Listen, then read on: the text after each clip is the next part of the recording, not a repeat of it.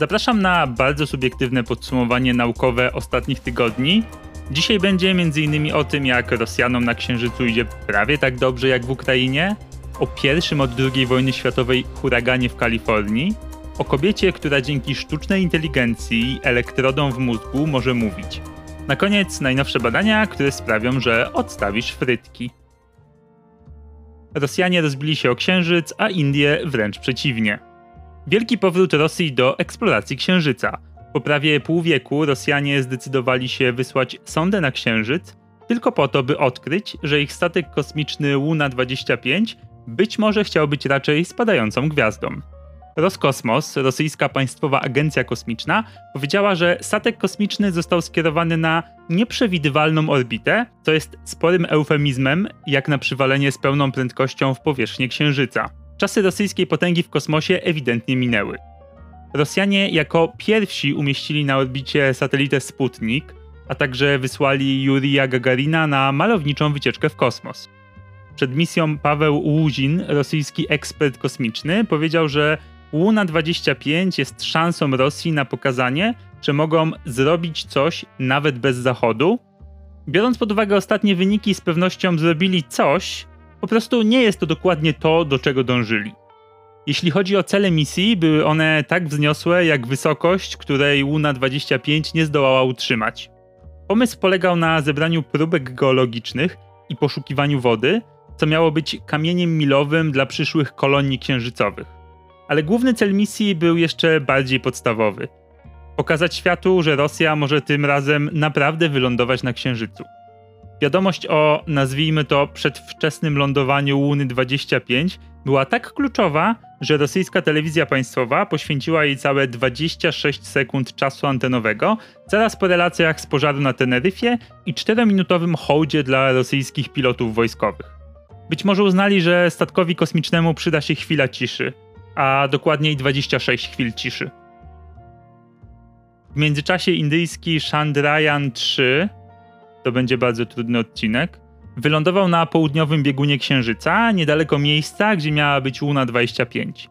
W przełomowym osiągnięciu, które przyciągnęło uwagę całego świata, Indie zapisały się w annałach eksploracji kosmosu, stając się pierwszym krajem, który przeprowadził udane lądowanie w pobliżu enigmatycznego południowego bieguna Księżyca. W dniach poprzedzających to przełomowe wydarzenie w całych Indiach panowała gorączkowa atmosfera oczekiwania. Święte miejsca, czy to świątynie, czy meczety, tętniły modlitwami o powodzenie misji. Uliczne uroczystości były powszechne, ponieważ Hindusi cieszyli się nie tylko ze statusu swojego kraju jako pierwszego narodu, który wylądował w pobliżu południowego bieguna Księżyca, ale także jako czwarty naród, który kiedykolwiek wylądował na Księżycu. Punktem kulminacyjnym była sekwencja skomplikowanych manewrów wykonanych przez lądownik Vikram, zwalniający z oszałamiającej prędkości kilku tysięcy kilometrów na godzinę do praktycznie zera i płynnie przechodzący z ustawienia poziomego do pionowego, w przeciwieństwie do tragicznego błędu, który wykoleił indyjską misję księżycową w 2019 roku. Startujący 14 lipca z platformy startowej Sriharikota w południowych Indiach, Chandrayaan 3, w sanskrycie oznaczający statek księżycowy, odbył znacznie dłuższą podróż na Księżyc porównaniu do szybkich misji Apollo z ostatnich dziesięcioleci. Wykorzystując rakiety o mniejszej mocy niż te z ery Apollo, statek kosmiczny osiągnął niezbędną prędkość, wielokrotnie okrążając Ziemię, zanim wyruszył w miesięczną podróż do naszego niebieskiego sąsiada. Następnym krokiem jest wysłanie łazika o nazwie Pragyan, co w sanskrycie oznacza mądrość.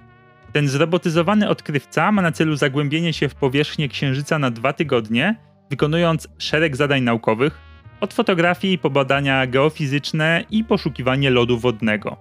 Stawka nie może być wyższa, ponieważ regionalny konkurent Indii, Chiny, również czyni postępy w kosmosie niedawno wysyłając trzyosobową załogę na swoją orbitalną stację kosmiczną. Niemniej jednak udane lądowanie Indii na Księżycu to nie tylko narodowy triumf, to wyraźne przesłanie dla świata o ambicjach i możliwościach tego kraju w kosmicznym teatrze. News drugi: USA nie ma ostatnio lekko z kryzysem klimatycznym. Po raz pierwszy od 84 lat huragan uderzył w zachodnie wybrzeże Ameryki Północnej, głównie Meksyk i Kalifornię.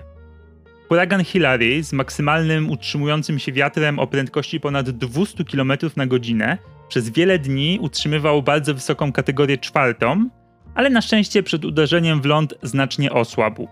Ostatni raz burza tropikalna wylądowała w południowej Kalifornii w 1939 roku, kiedy to zalała Los Angeles i zabiła prawie 100 osób. Burze tropikalne są rzadkim zjawiskiem u zachodnich wybrzeży USA, częściowo ze względu na stosunkowo chłodne wody. Naukowcy ostrzegają jednak, że wydarzenia takie jak to mogą stać się bardziej prawdopodobne, ponieważ ocean i atmosfera nadal się nagrzewają z powodu zmian klimatycznych spowodowanych przez człowieka. USA w ogóle nie ma tego lata lekko. Co najmniej 114 osób zginęło w niedawnym pożarze na Hawajach, najbardziej śmiercionośnym we współczesnej historii, podczas gdy silne fale upałów zalały duże obszary kraju, a powodzie zalały północno-wschodnie części USA, a także Kalifornię.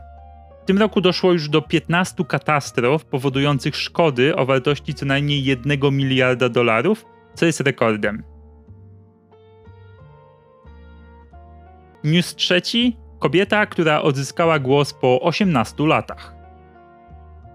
Przygotujmy się na oszałamiający przełom w technologii medycznej. Kobieta, która była sparaliżowana i niezdolna do mówienia przez 18 lat, właśnie przerwała milczenie dzięki cyfrowemu awatarowi.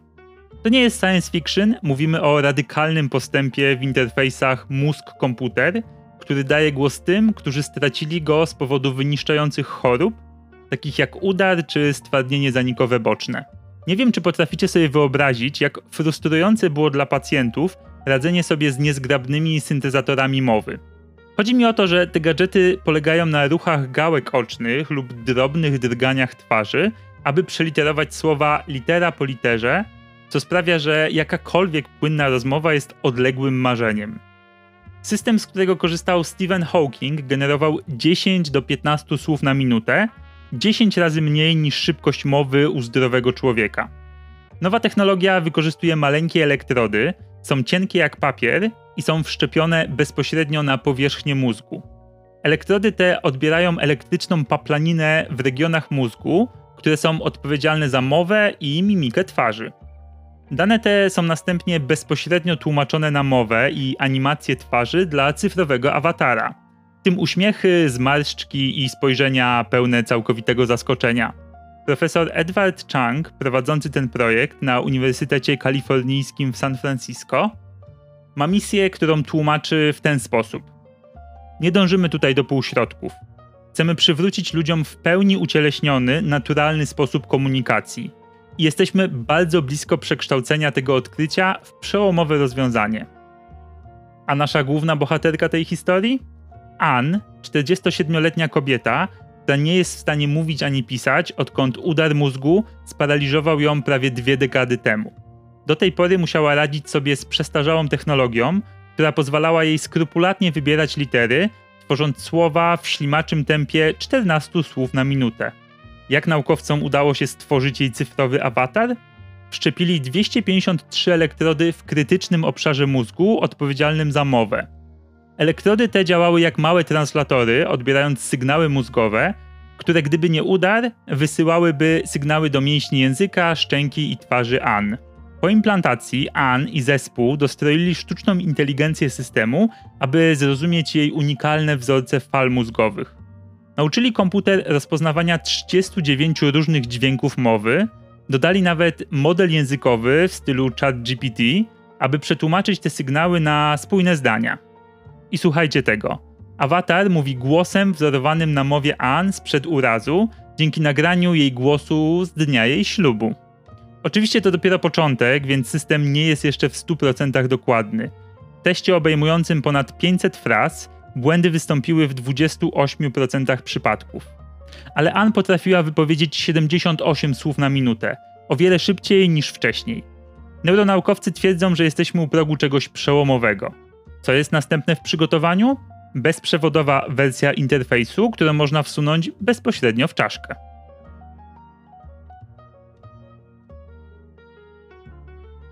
News czwarty, fryteczki, popcorn i inne problemy. Najnowsze badania wskazują, że sól jest jeszcze bardziej szkodliwa niż dotychczas sądzono. Ograniczenie nawyku spożywania soli może być przełomowe dla Twojego organizmu, znacznie zmniejszając ryzyko chorób serca i udarów. Mówimy o spadku o prawie 20%. Informacje te pochodzą z najobszerniejszego jak dotąd badania na ten temat. Przez lata nauka mówiła nam, że dodawanie nadmiaru soli do frytek to nie tylko wzmocnienie smaku, to bilet w jedną stronę do miasta zawałów serca. Ale teraz mamy szczegółowe informacje na temat tego, jak ogromną różnicę możesz zrobić dla zdrowia swojego serca, po prostu odstawiając solniczkę podczas posiłków. Naukowcy odkryli, że osoby, które powiedziały nie dodawaniu soli do posiłków, miały o 18% niższe ryzyko wystąpienia migotania przedsionków. Co to jest migotanie przedsionków? Jest to choroba serca, w której twoje serce tańczy we własnym, nieregularnym rytmie, co prowadzi do różnego rodzaju dolegliwości, takich jak zawroty głowy, zadyszka i wyczerpanie. No nie jest to generalnie przyjemne. A oto otrzeźwiająca statystyka. Przypadki migotania przedsionków wzrosły o połowę w ciągu ostatnich 10 lat w Wielkiej Brytanii, osiągając oszałamiającą liczbę 1,5 miliona osób. Ale poczekajcie, bo robi się jeszcze gorzej. Jeśli żyjesz z migotaniem przedsionków, twoje szanse na wystąpienie udarów wzrastają pięciokrotnie. Najnowsze badanie odbiło się szerokim echem na corocznym spotkaniu Europejskiego Towarzystwa Kardiologicznego w Amsterdamie, które jest konferencją poświęconą wszystkim sprawom związanym z sercem. Naukowcy stojący za badaniem zagłębili się w dane UK Biobank, które objęły pół miliona Brytyjczyków w wieku od 40 do 70 lat w latach 2006-2010. Wykluczono z badania osoby, które miały już problemy z sercem. Uczestnicy ujawnili, jak często sięgają po sól, od nigdy rzadko do zawsze. Następnie badacze obserwowali ich przez ponad dekadę. Werdykt? Ci, którzy nie używali soli, byli o 18% mniej narażeni na migotanie przedsionków, a ludzie spożywający niewiele soli odnotowali 15% spadek ryzyka. Ale poczekajcie, jest też druga strona medalu, pozytywna dla miłośników soli. Nawet jeśli zmienisz swój nauk na bardziej umiarkowany, nadal możesz obniżyć ryzyko wystąpienia migotania przedsionków o 12%. Profesor James Leiper z British Heart Foundation radzi, by trzymać się około łyżeczki dziennie, czyli około 6 gramów soli. Tak więc następnym razem, gdy pomyślisz o urozmaiceniu posiłku posypką z soli, pamiętaj, twoje serce może ci podziękować, że z niej zrezygnowałeś. Dzięki za wysłuchanie naukowych newsów. Jeśli nie będę sobą, to będzie to regularna seria. Także subskrybujcie ten kanał, żeby nie przegapić kolejnych odcinków. A jeśli uwielbiacie naukowe ciekawostki, to zapraszam do kupienia mojej pierwszej książki 111 faktów, które zniszczą Twoje wyobrażenie o świecie, w której znajdziecie 111 faktów, które zniszczą Wasze wyobrażenie o świecie. Do usłyszenia.